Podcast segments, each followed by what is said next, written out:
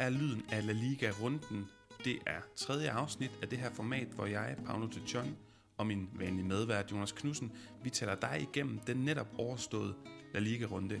Og i den her omgang, så er det jo runde 19, Jonas. Men vi har lige en lille disclaimer, for vi mangler to opgør af den her runde, som spilles i aften. Det passer jo ikke lige i kalenderen. Men kan du ikke lige fortælle lytterne, hvilke to opgør vi desværre ikke kan kloge os på? Jo, det er, øh, det er tors, torsdag aftens øh, kampe med, øh, med to af de store klubber i spil. Valencia øh, tager imod Osasuna på hjemmebane, og så øh, Atletico Madrid øh, i aktion i Baskerlandet i Eibar. Og der må vi bare lige sige, øh, en, en lille undskyldning, vi ved godt, der er mange Valencia og Atletico Madrid-fans, der lytter med her. Jeres klubber, de skal nok få en masse opmærksomhed igen snarest muligt, men det passer altså ikke lige med, øh, med at, at skulle optage i morgen i kalenderen. Jonas Menud Aldia, det er jo i dag, vi skal snakke om de første seks opgør af runde 19 i La Liga, hvorefter der øh, normalt, som altid skal uddeles de her koringer på baggrund af, hvad det er, vi har set. Men allerførst, for at tale os varme, så runder vi jo en af de større historier, som PT præger fodboldlandskabet i Spanien, og du har den med til os i dag. Det har jeg. Og den helt store historie uden for banen i begyndelsen af det her år, det er valget til præsidentposten i FC Barcelona. Øh, og i FC Barcelona, der har Carles Tusquets siden øh, 28. Oktober været præsident for den overgangsledelse, der har skulle lede klubben frem mod præsidentvalget, efter José Bartomeus regime blev styrtet med et mistillidsvotum. I sidste uge blev listen med kandidater endelig offentliggjort, og resultatet blev, at øh, Joan Laporta, Victor Font og Jordi Freja fik samlet nok underskriftsindsamlinger til at stille op. Med den tidligere præsident øh, Joan Laporta som største favorit og den velforberedte Victor Font som nærmeste udfordrer, skulle valget være afholdt her øh, den 24. januar, øh, men som alt andet for tiden blev det udskudt øh, efter et møde mellem Tusquets, Laporta, Font og Fletcher. Nok en fornuftig beslutning, eftersom valgstederne vil være utilgængelige for en del medlemmer, heriblandt Victor Font selv, på grund af forbuddet mod at krydse kommunegrænser i hverdagene i Katalonien, en af de mere drastiske forholdsregler i kampen mod corona. Øh, Font vil simpelthen ikke engang kunne stemme på sig selv. Derfor blev det her valg udskudt på ubestemt tid, og man regner nu med at måtte vente helt til 7. marts med afholdelse, da det også skal undgå at kollidere med øh, februars parlamentsvalg i Katalonien. I mellemtiden har La Generalitat, den katalanske selvstyreregering, netop vedtaget en hastelov, der gør brevafstemning mulig ved valg til katalanske sportsinstanser, herunder altså FC Barcelona, således at chancerne for rent faktisk at få afholdt valget næste gang skulle være steget drastisk. Men hvad betyder det så egentlig for FC Barcelona at være uden præsident i endnu et par måneder? Jo, for det første bliver afklaringen om Lionel Messis fremtid udskudt. Messi er den varmeste kartoffel i valgkampagnen, og kandidaterne har flokket for at fortælle, at de på den ene eller anden måde mener at have kommunikeret med argentineren, som dog selv understreger, at han ikke har talt med nogen kandidater. Victor Font har snakket med Xavi, som har snakket med Messi. Laporta snakker med ham, som han siger, på jævnlig basis, dog ikke lige for nylig, men henviser til et godt forhold fra sin seneste præsidentperiode. Freccia prøver desperat at tone igennem med budskabet om, at Messi ikke er større end klubben. Problemet er, at det er han blevet. Men afklaringen den er også udskudt. Messi kommer ikke til at skrive under på nogen kontrakt før et præsidentvalg. Med det samme efter udskydelsen af valget dukkede PSG-historien straks op. Pochettino vil have Messi, ligesom alle andre. I mellemtiden er Messis form bare blevet bedre og bedre, hvilket understreger FC Barcelonas desperate situation. En anden varm kartoffel, der må vente på afklaring, er Eric Garcia, den katalanske midtstopper fra engelske Manchester City, som har kontraktudløb til juli, men som den sportslige sektor i FC Barcelona meget gerne vil have til klubben nu i det aktuelle transfervindue. Det er bare svært, når man ikke har en handledygtig præsident. Handlen var op at vende på mødet mellem Carlos Tusquets og kandidaterne. Freccia gav delvist OK, selvom man helst ikke vil forære City penge. Fonte gav sit OK, mens Laporta ikke mente, man skal købe unødigt ind under den nuværende økonomiske krise. Og her trådte kampagnens virkelige hovedemne frem. Økonomisk forsvarlighed. FC Barcelona er i en kæmpe økonomisk krise, og samtidig står man potentielt over for at miste manden, der holder det sportslige niveau oven vande, Messi. Victor Font vil omlægge gæld med ambitiøse økonomiske planer, mens Laporta henviser i lidt løsere træk til, at de sportslige resultater skal drive den økonomiske vækst, ligesom de gjorde det i hans seneste embedsperiode, som startede med købet af Ronaldinho. Han er drømmenes præsident, mens Font måske i højere grad er fornuftens. Uanset hvad, så er præsidentvalget et skæbnevalg for FC Barcelona, men først og fremmest savner de lige nu et reelt lederskab. Indtil der står Blaugranas fremtid hen i det uvisse, og det gør den til synlædende indtil 7. marts. Jonas, tak for en rigtig udførlig gennemgang. Vi havde jo også planlagt her på Lyden af Liga at lave en special, en temasnak, netop om det her præsidentvalg. Den er udskudt indtil marts, hvor at valget altså regner med at finde sted. Men tak for de gode nuancer, og jeg synes egentlig bare, at vi skal nyde en lille breaker, og så hoppe videre til at dissekere runde 19 af La Liga. Es un partido que quedará para la historia de los aficionados del Atlético de Madrid y que nos llena de orgullo como club una vez más estar entre los ocho mejores de, de Europa. Jonas, runde 19 startede jo tirsdag aften, Valladolid Elche 2-2. Jeg tager os bare lige hurtigt igennem den, så vi kan snakke lidt mere om nogle andre kampe. Men altså to flotte mål af Josan Fernandes fra Elche. Valladolid med et vigtigt, vigtigt point i 89. minut. Og der er så to point mellem de hold her. Men Valladolid de har altså spillet to kampe mere, selvom de er to point fra Elche. Og så et rødt kort til Roque Mesa, også der har fulgt La Liga i lang tid. Vi må bare konstatere, at han er ikke en La Liga-profil længere. Han var rigtig god i Las Palmas, og så har det altså bare været ned ad bakke både i Swansea, Sevilla, Leganes og Valladolid. Men og, øh, samtidig med den kamp, så spillede øh, Cardis og Levante øh, en 2-2-kamp, øh, og det er jo en kamp, vi kan sige at have en lille aktie i, eftersom du, Paolo, øh, her inden weekenden lagde en, øh, et fremragende interview op. Øh, du havde en god snak med Jens Jønsson, øh, og noget af det, Jønsson han snakkede om, øh, det var, øh, hvordan Cardis de er en, en enhed, som skal klare sig øh, ved at stå sammen som hold og være gode til at forsvare sig og stå kompakt. Det var også noget, de gjorde i den her kamp, øh, men, men hvad bed du ellers mærke i i den her kamp?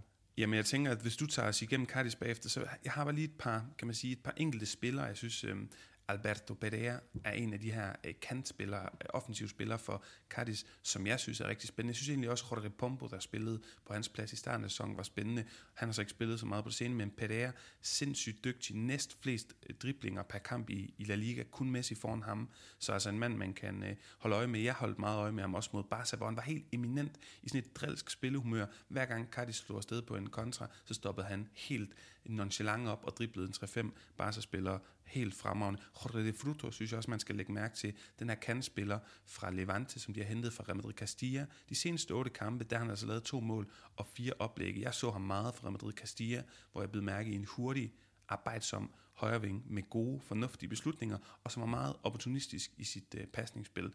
Desuden øh, Roger Marti med to mål er også værd at lægge mærke i. Men hvad, hvad så du i den her kamp? Jamen, jeg så en kamp, der startede med, med buller og brag øh, mål øh, til at starte med, øh, og så var det, øh, som forudset, så var det Levante, der var på bolden, mens, øh, mens Cardis, øh, som jeg også lige fik snakket om i indledningen her, øh, øh, skulle, øh, skulle belave sig på kontrastød og, øh, og stå solidt, og det, det lykkedes de faktisk med.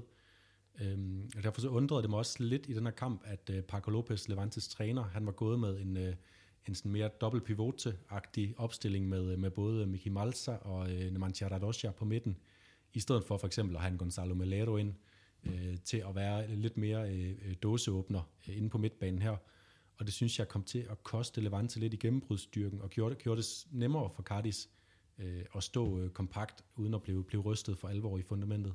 Ja, og så ved jeg jo, det sagde du inden vi gik på her, du har fået en ny ven på, øh, på venstre bak for Levante. Det er jo sådan, de har Tonio og Carlos Clerc, og du har i hvert fald fundet ud af, at der er en af de to, du bedre kan lide end den anden. Helt klart, og, og det er Carlos Clerc, altså øh, han, han er sådan gået lidt under min radar, jeg har bare konstateret, at han spillede, mm. øh, spillede på bakken, men jeg synes, øh, han er blevet bedre og bedre, øh, som tiden, øh, tiden er gået, og i går, der havde han øh, farligt frisbaksforsøg, Øh, han lavede oplæg øh, til mål, og så var han bare aggressiv og angribende.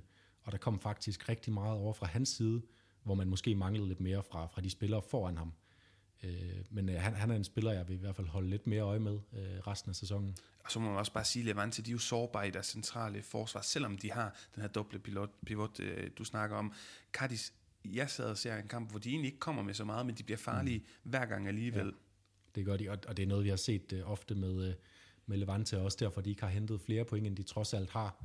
Øh, de havde, øh, de havde så Ruben Vesso, han kom tilbage i den her kamp, bliver skiftet ind i løbet af kampen, øh, men, men det var også kun tiltrængt, fordi den der øh, øh Duarte Postigo, du, de, havde altså, de havde altså problemer, øh, og det har de også haft tidligere, hvor, hvor Eibar lykkedes med at presse dem sådan, alt for meget i forhold til, hvad de burde kunne, kunne være i stand til. Og så var der jo El Comandante Morales, José Luis uh, Morales, mm. som ikke har en god kamp. Vi ruser meget en af vores yndlings sådan hipster-spillere i La Liga, men også en af de kampe, hvor man kan sige, at Levante måske er en passende hylde, fordi han ikke uh, gør en vanvittig god figur hver eneste kamp. Ja, det forklarer lidt om, hvorfor han måske trods alt ikke er, øh, er steget mere i graderne i La Liga, fordi han kunne da godt have fået et skifte til en større klub, men, øh, men det forklarer måske lidt om, hvorfor han trods alt stadig spiller i, i en, en mindre klub som Levante.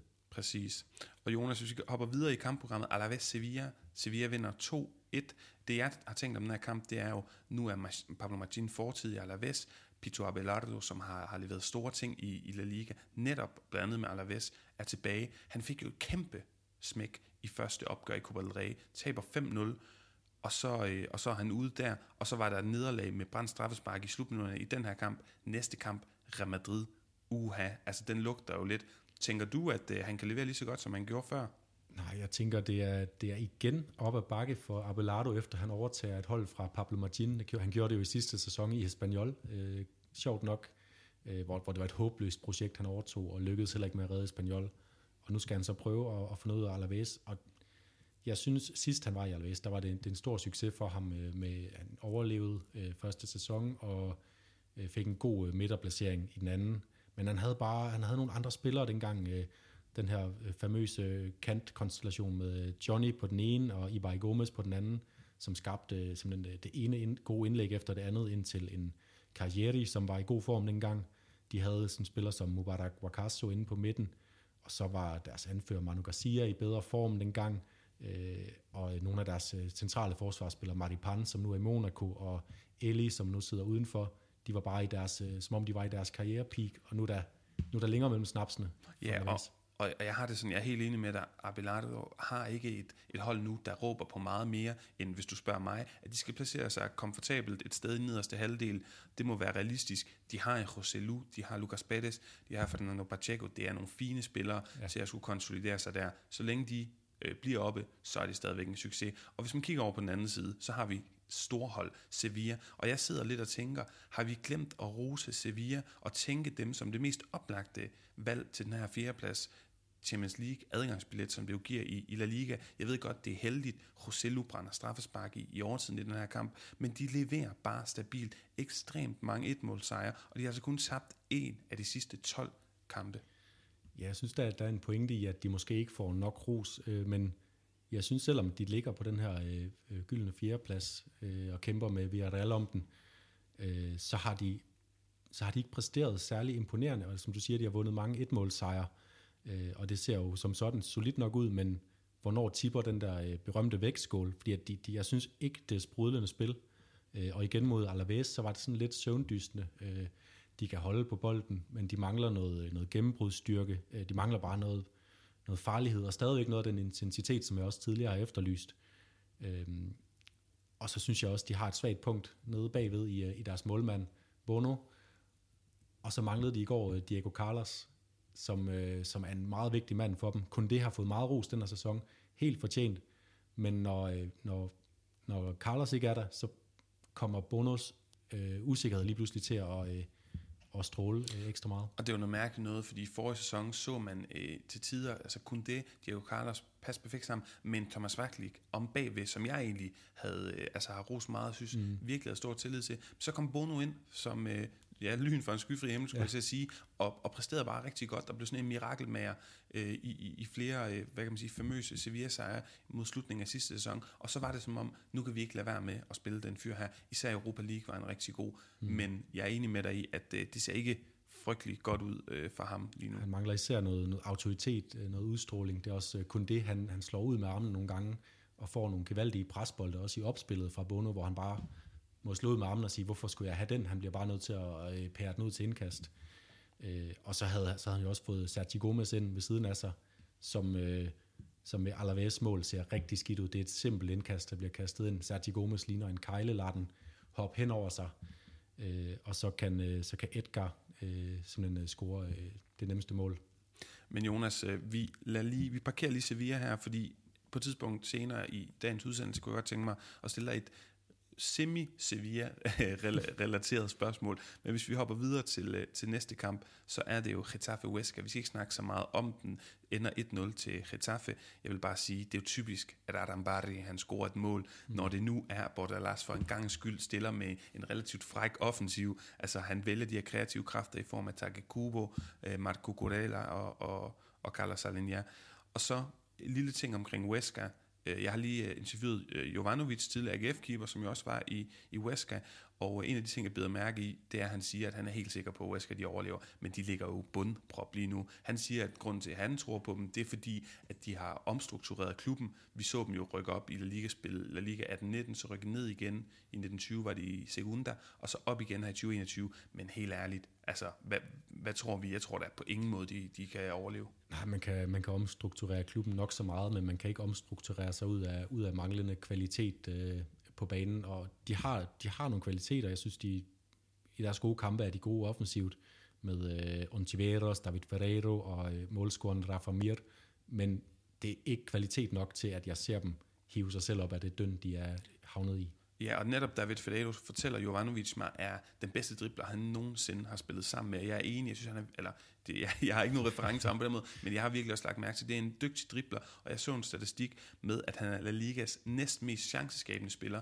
Det var på et tidspunkt i efteråret for et par uger siden, så det kan være, at det ikke er virkeligheden længere, men på et tidspunkt var han så højt op. Mm. Så de har nogle offensive profiler, men de må være voldsomt klare nedrykningskandidater. Omvendt, Getafe, ikke nedrykningskandidater, det har jo været helt i den anden ende af tabellen de senere år. De har overpræsteret, været tæt på Champions League, men de vi, er vi ikke enige om præmissen? Har de ikke bare overpræsteret, og skal de ikke være tilfredse med at ende et sted i midten af tabellen? Jo, de har overpræsteret de seneste sæsoner, så har de måske underpræsteret lidt her i efterårssæsonen, og jeg tror, at nu kommer de til at hente øh, stabilt point resten af sæsonen, og ender her omkring, hvor de faktisk ligger lige nu på en 10. plads, måske lidt mere, måske lidt mindre, men øh, det, er ikke, det er ikke hugget i sten, at Getafe skal ende øh, op på de der Europapladser. Øh, og så øh, senere i øh, går aftes, der spillede øh, Betis mod øh, Celta Vigo, øh, og det er to hold, øh, som vi kender for at have noget offensivt øh, gå på mod, øh, og det endte også med, at begge hold fik scoret i kampen. Øh, særligt øh, Real Betis har været i god form på det sidste, er begyndt at vinde nogle kampe, øh, Øh, efter øh, især Sergio Canales er kommet tilbage. Det er, det er virkelig spændende med ham. Ja, lad os lige prøve at rose Betis en gang, for hvor er Sergio Canales dog en fremragende fodboldspiller, og hvor undrer man ham det dog? Fordi vi har jo fuldt af Liga i mange år, Jonas. Han har haft problemer med skaderne, siden han kom frem som den her guldfugl i, i Racing Santander, hvor han er altså hans fødeby. To skiftet til Real Madrid for tidligt, må vi sige lidt, en, en, en lidt mærkelig periode i Real Sociedad, både på godt og ondt, og så altså i Betis, hvor han virkelig, virkelig gør det godt. Og jeg må bare sige, når han fungerer, og Fekir fungerer, så spiller Betis så godt, at de er øh, superkandidater til at komme i en eller anden form for Europa næste år. Han har to mål i, de, i den her kamp, og seks mål i de, i seneste fem kampe, mm. siden han kom tilbage fra skade. Super vigtig spiller, ja. og Fekir der jo også manifesterer sin betydning med to mål i, øh, eller to oplæg i den her kamp til ja, Fekir han manifesterer netop sin betydning, når han har Canales med sig.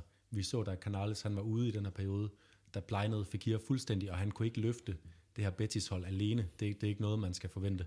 Og så hvis vi lige skal hæfte os ved Celta Vigo, der er jo meget det her no aspas, no party, og det er jeg fuldstændig ja. enig i. Han er faktisk involveret i allerflest mål af alle spillere i La Liga i den her mm. sæson, med 15 foran Messi og, og Benzema, men der er altså også en mand, der er vigtig på det her hold. Han var så tilbage den her gang, Renato Tapia. Jeg er vild med den måde, han går ned i Kudets system, simpelthen bare placerer sig mellem de to midterforsvar, og så har han Dennis Suarez foran sig, så de er sådan tre nede på bagerste linje, Dennis Suarez lige foran, og så er det ellers resten af seks mand, der mm. bare render rundt og prøver at, at, at køre nogle offensive angreb. Og det er nogle vildt flotte sekvenser, det ser voldsomt ud, men ah, det, det, det er jo også risikabelt, og det ser vi ved Dennis Suarez, der har det her sindssygt dumme boldtab til, øh, til 2-1. Øh, ja, og, og Denis Suarez er også en spiller, der, der, der skuffer for tiden. Han er, han er sådan han er never ending story, er altid med forventninger på sig, både i Villarreal og Barcelona tidligere, men øh, det bliver, han bliver aldrig en, en top, top spiller. Øh, han kan måske få en udmærket karriere i, i, øh, i Celta.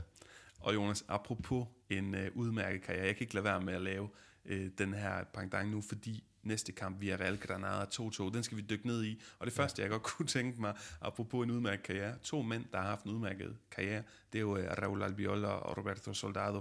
Og hvor er det fedt at se en løbeduel med de her to folk som profiler i La Liga i 2021, var det bare fantastisk. Det er vintage La Liga at se Raul Albiol blev fanget højt i banen som bagerste bagstopper, og så bare Soldado oversprinte ham, og så sparke den ind på, på fornemmeste veteranskarp vis. Og det er jo ikke engang, øh, det, var, det var sjovt og fedt at se, men øh, en ting, der var endnu mere mærkeligt, det var jo højreback Ruben Peña, som spiller op på højre kanten i Gerard Morenos fravær, og gør det vel sindssygt godt. Ja, han kommer i hvert fald ind, og altså, jeg har aldrig nogensinde forestillet mig at skulle se Ruben Peña af alle øh, højre backs blev skubbet frem. Øh, men han var simpelthen scoret et mål, hvor han, øh, hvor han bare ligner, at han har overtaget Gerard Morenos øh, evner som afslutter. Kommer ind og laver sådan en dobbelt skudfinte, og afslutter bare kynisk øh, ned mod fjerneste stolpe. Øh, og jeg, jeg må have overset et eller andet med ham, siden at, at han kan spille sådan en kamp som højre wing. Og så er der en af scoringerne her, du ved i hvert fald, jeg tænker på, ja. øh, Kennedys, hvor jeg sidder og tænker, ham, det kan være, at vi vender tilbage til den senere i forbindelse med at skulle kåre rundens detaljer, men prøv lige at fortælle os lidt om det her mål. Jamen det er jo simpelthen, øh, altså øh, for det første, så, så vidner det lidt om en tendens, jeg har set med, at det i den her runde har været ret farligt at være det boldbesiddende hold. Det er kun Sevilla af de hold, der havde bolden mest, som rent faktisk øh, fik tre point med sig. Øh, og der sker også det, at øh, Granada, de fanger, øh, de fanger via rally opbygningen. Parejo taber bolden, og så tager Kennedy to træk ind i banen, og så hjerner han den bare op i hjørnet med, øh, med sådan en lille øh, kroket øh, knæk i bolden, øh, så Arsene ikke har noget at gøre derinde. Fantastisk mål. Den her lejesvend, der jo tidligere øh, kan man sige, var i, øh, jeg mener, var, var han ikke i Getafe også, jo, øh, og, og, og, har været i engelsk fodbold, og jeg kan også huske, at Mads Juncker siger på et tidspunkt, i, når dansk tv ligesom har, har skulle dække liga, at han kan ikke finde ud af den her spiller. Han har noget talent, men det var som om vi får det simpelthen, altså det kan lyde for simpelt som analyse, men vi får det simpelthen at se for sjældent. Det er lidt uh, Ontiveros om igen. Ja, her fik vi det mindste set det, og ja, både Kennedy og Ontiveros er i hvert fald gode til at sparke ud fra. Vi skal også lige snakke om de her to tynde straffespark til Villarreal, i hvert fald lidt af dem. Og så alligevel et comeback til Paco Alcácer, det er også noget, det er bedre mærke i den her kamp, som så brænder straffespark i 92. minut. Hvis vi nu starter med Paco Alcácer, ja. det lugter jo af den her Canales øh, Fekir-gate, vi havde mm. i Derby Sevillano for et par runder siden. Lad nu de her brandvarme folk, for eksempel Parejo, spark mm. det her straffespark. Ja, det, det, altså vi er alle, de har øh, Mori Gomez, som har sparket et straffespark ind i kampen, og de har Parejo, begge to på banen i det, de i overtiden får tildelt et straffespark, som kan give dem tre øh, fantastiske point øh, fra en svær kamp. Og så lader de Alcácer, som lige har fået, han er lige kommet ind for to minutter siden efter en skadesperiode, øh, helt kold, lader ham spark, og han, han brænder efter et, altså et, et svagt spark, og det giver bare ingen mening. Jeg synes, det, det, det er helt tosset i de her straffesparksituationer, så skal man bare altid gå med den, øh, den løsning, der ligger lige til højre benet, øh, og det vil jo være at lade Parejo eller Moigome spark. Præcis. Jonas, har du flere pointer? Fordi ellers vil jeg lige stille dig et, øh, et sidste spørgsmål omkring netop, øh, ja, blandt andet Sevilla. Jeg er klar til et øh, godt spørgsmål. Et godt spørgsmål. Jamen, så skal du høre her. I, vi blev enige om, tror jeg, øh, ret mig hvis jeg tager fejl, lidt tidligere op i udsendelsen, om at vi måske har været for hårde ved Sevilla. Her snakker vi Villarreal. Villarreal er netop lige hoppet over Sevilla i, øh, i tabellen. Og så har du altså også Real Sociedad. Det må være de tre hovedkandidater den her fjerde plads uanset hvor mærkeligt Real Madrid og Barcelona har en sæson, må vi formode, at de konsoliderer sig i den her top 3. Så den her gyldne fjerdeplads, hvem skal med i det fine selskab og øh, få den her øh, Champions League øh, billet til kommende sæson? Hvis du nu bare lige skulle starte med at sige, hvilken en af de her tre hold vil du lægge dine penge på lige her nu? Jeg, jeg bliver på en eller anden måde nødt til at lægge dem på Sevilla, fordi det er, det er sådan det mest beviste tophold af de tre, øh, har været der over sæsoner. Øh, og også bare fordi de, de vinder deres kampe, som vi snakkede om tidligere. Ved så dog ikke helt, om de kan blive ved med at vinde de her øh, etmålsejre. Øh, og hvis de lige pludselig ikke gør det længere, så tror jeg, at vi er det alle af dem, vi skal kigge efter, for jeg synes, de har, de har ikke haft nogen udsving i den her sæson. De har været gode øh, lige fra første spillerunde. Øh, de har måske så bare ikke været gode nok til at hente nok point øh, ud af deres bestræbelser, og de har også haft en del skader på det sidste, som har kostet nogle point i offensiven. Men, men jeg, tror, jeg tror på Sevilla, men det bliver tæt. Det bliver tæt. Jeg er, jeg er fuldstændig enig. Jeg vil også rangere dem Sevilla som øh, kan man sige, første udfordrer, eller mest oplagte kandidat. Herefter Villarreal, og til sidst uh, Real Sociedad. Men det, der jo er sjovt at hæfte sig ved her, Jonas, det er, at Sevilla på en eller anden måde er blevet det mindst sexede hold at snakke om af de her tre. Ja. Og, og jeg kan også se, når du, når du peger på Sevilla, at du er sådan lidt ked af, Mm. At det er det, for det er ikke det sjoveste hold at snakke om lige nu. Nej. Og det kan vi jo håbe, Lopetegi kan gøre noget ved, fordi vi er Real er der en masse fede narrativer i, øh, en masse god dynamik og god stemning i klubben, og Real Sociedad blev jo lynhurtigt i efteråret vores allesammens yndlingshold, i, altså den måde, de spillede fodbold på, det her med den baskiske, altså de er jo sekundære i Baskerlandet, og alligevel så mange dygtige baskiske spillere, der lige pludselig kom op fra deres, fra, der, fra Sanse, fra deres B-hold og ungdomsafdeling, og gjorde så god en skikkelse, men de er jo også bare faldet helt vildt. Nu må vi se, Martin Ødegaard har været ude og sige, at han måske og har luftet tanken om, at han måske skulle ud på et udlån igen. Det kunne jo være, at øh, Real Sociedad lige fik en, en lille uventet booster derfra. Det ville i hvert fald klæde dem godt. Men Jonas, det var lidt om øh, runde 19 i La Liga, i hvert fald kampene, vi er gået igennem nu. Vi tager lige en breaker, og så skal vi have lavet nogle koringer. Concentrão, ¿qué es ese jugador? Sí, jugador, sí. Concentrão. Coentrão. Coentrao, ahí está. Coentrao. Coentrao. Muy bien. Jonas, vanen tro, der skal vi have kåret en det der er så, altså den lækreste detalje i den her runde, vi har set, øh, en Hugon, altså den lækreste spillerpræstation, kan man kalde det. Og så skal vi have udkåret, eller kåret vores Woodgate og Ramos moment, altså det her fadase moment, det, det negative moment, og så det mere heroiske gode moment, inden vi kommer med forudsigelser frem mod kommende spillerunde, der som må være spillerunde 20 i La Liga. Hvis jeg skal starte med min, det der er så, jeg har blandt andet oplægget til øh, Josan Fernandes, fordi det kommer altså fra en midterforsvar Gonzalo, jeg nærmest aldrig har set spille fodbold før, og så leverer han en vanvittig pasning på ja, en, en nærmest en hel banelængdes, øh, banelængdes øh, ja, det, det var virkelig, virkelig flot. Robert øh, Kennedy, som vi har snakket om, hans mål er virkelig flot. Min, den går stadigvæk til Susos mål i øh, Sevilla-kampen. Endnu vildere, endnu længere ud fra venstre benhug. Sindssygt øh, mål. Jamen, ved du, det er simpelthen også den, jeg har øh, noteret mig. Øh, fantastisk skud, og, og så noterede jeg mig også, fordi at øh, du var lidt ude efter øh, Suso øh, sidst. Ja. Øh, og jeg må også sige, at hans, i den her kamp, han imponerer stadigvæk ikke spillemæssigt. Øh, meget går i stå ved ham, og jeg synes, han, han er ikke en spiller, jeg ser blive en, øh, en kvalitetsspiller for Sevilla øh, fremover. Øh, der skal nogle andre ind og udfylde den her rolle. Men det her mål, det kan man bare ikke pille ved. Nej, præcis. Skal vi ikke kalde, kalde øh, det kort den øh, til runden til Tasso?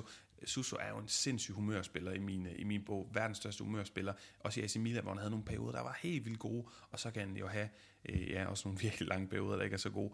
Øh, lad os høre øh, din bud på øh, El Jugon de la Jornada. Jamen, jeg har, øh, jeg har haft lidt to spillere, altså det er sådan to lidt outsider. Den ene, det var Roger Marti, den her spanske fattigmands Inzaghi, som bare scorer. Øh, og så synes jeg, det var en sjov detalje, at han at de er i jagten på sejren, så bliver han alligevel skiftet ud, yeah. øh, efter at have scoret to mål. Men den går alligevel til, til Josan Fernandes, den her øh, spiller fra Elche. Han er 31 år gammel og har gjort sig i de lavere spanske rækker øh, og Segunda Division øh, i hele karrieren. Og lige pludselig dukker han op som trold af en æske og scorer to virkelig gode mål. Det ene, som du siger, efter en fremragende aflevering, men også med et fremragende first touch, hvilket han har øh, i begge øh, scoringerne, og så med iskolde afslutninger øh, hvor han bare ligner en spiller, der aldrig har lavet andet end at, end at score mål i La Liga. Og det er jo det, han ikke har, og jeg er nødt til at kalde nerd alert på vores begges vegne, fordi jeg sad også og kiggede lidt på, på Josan Fernandes. Både har jeg nomineret ham, men også det med, at jeg sad lige og så video bagefter, og sad og læste op på, hvem er den her fyr Hvor egentlig? kom han fra? Ja, og ja, også de her ting, og det var sådan, altså, han har bare ikke en eller anden spændende fortid. Han er bare 31 år, og som du siger, ligner en mand, i hvert fald i den her runde, der er vant til at score mange mål. Det kan jeg så sige, det er han ikke på statistikkerne. Men jeg har faktisk valgt at kåre uh, Sergio Canales til min Juan de la Jornada, og man må bare sige, begge bud er, uh, er, er legitime, så uh, jeg synes bare, vi skal give en, en til hver. Uh, ugens Woodgate, og Jonas, det er jo helt vildt, at nu kigger jeg på min computer, vi har snakket i 28 minutter, vi har snakket La Liga, vi kan godt lide at gå ned i de små hold, men hvis vi skal bevæge os en lille bitte smule uden for La Liga Kridtstein, så er der jo noget Copa del Rey og Supercopa de España, jeg tænker, ja. vi ikke kan komme udenom. Nej, og min uh, Ramos, den går nemlig til det her Copa-format, som i sidste sæson debuterede med de her øh, enkamps knockout øh, kampe helt frem til semifinalen. Og man ser simpelthen bare, at La Liga-klubberne, de bliver presset allerede i anden runde, og 16. delsfinalerne, som er dem, vi lige har fået, øh, fået overstået. Der mangler lige to kampe i aften. Øh, men jeg noterer mig, at øh, ni La Liga-hold indtil videre rød ud.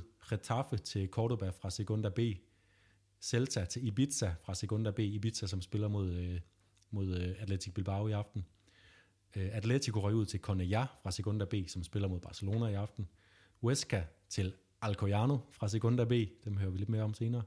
Alaves røg ud til Almeria, som så er tophold i Segunda, men stadigvæk med et forsmederligt nederlag.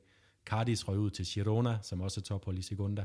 Elche til Rayo Vallecano fra Segunda, Eibar ud til Navalcarnero fra Segunda B, og altså senest Real Madrid til Alcoyano fra Segunda B, øh, som lavede et helt fremragende mål til sidst i kampen øh, i 115. minut forlænget spilletid, hvor jeg noterer mig, at det kan godt være, at Real Madrid har stillet med nogle reserver, men det her mål, Alcoyano scorer, de nærmeste Real Madrid-spillere, det er Valverde, Vasquez, Casemiro, Marcelo og så øh, reservemålmanden Lunin.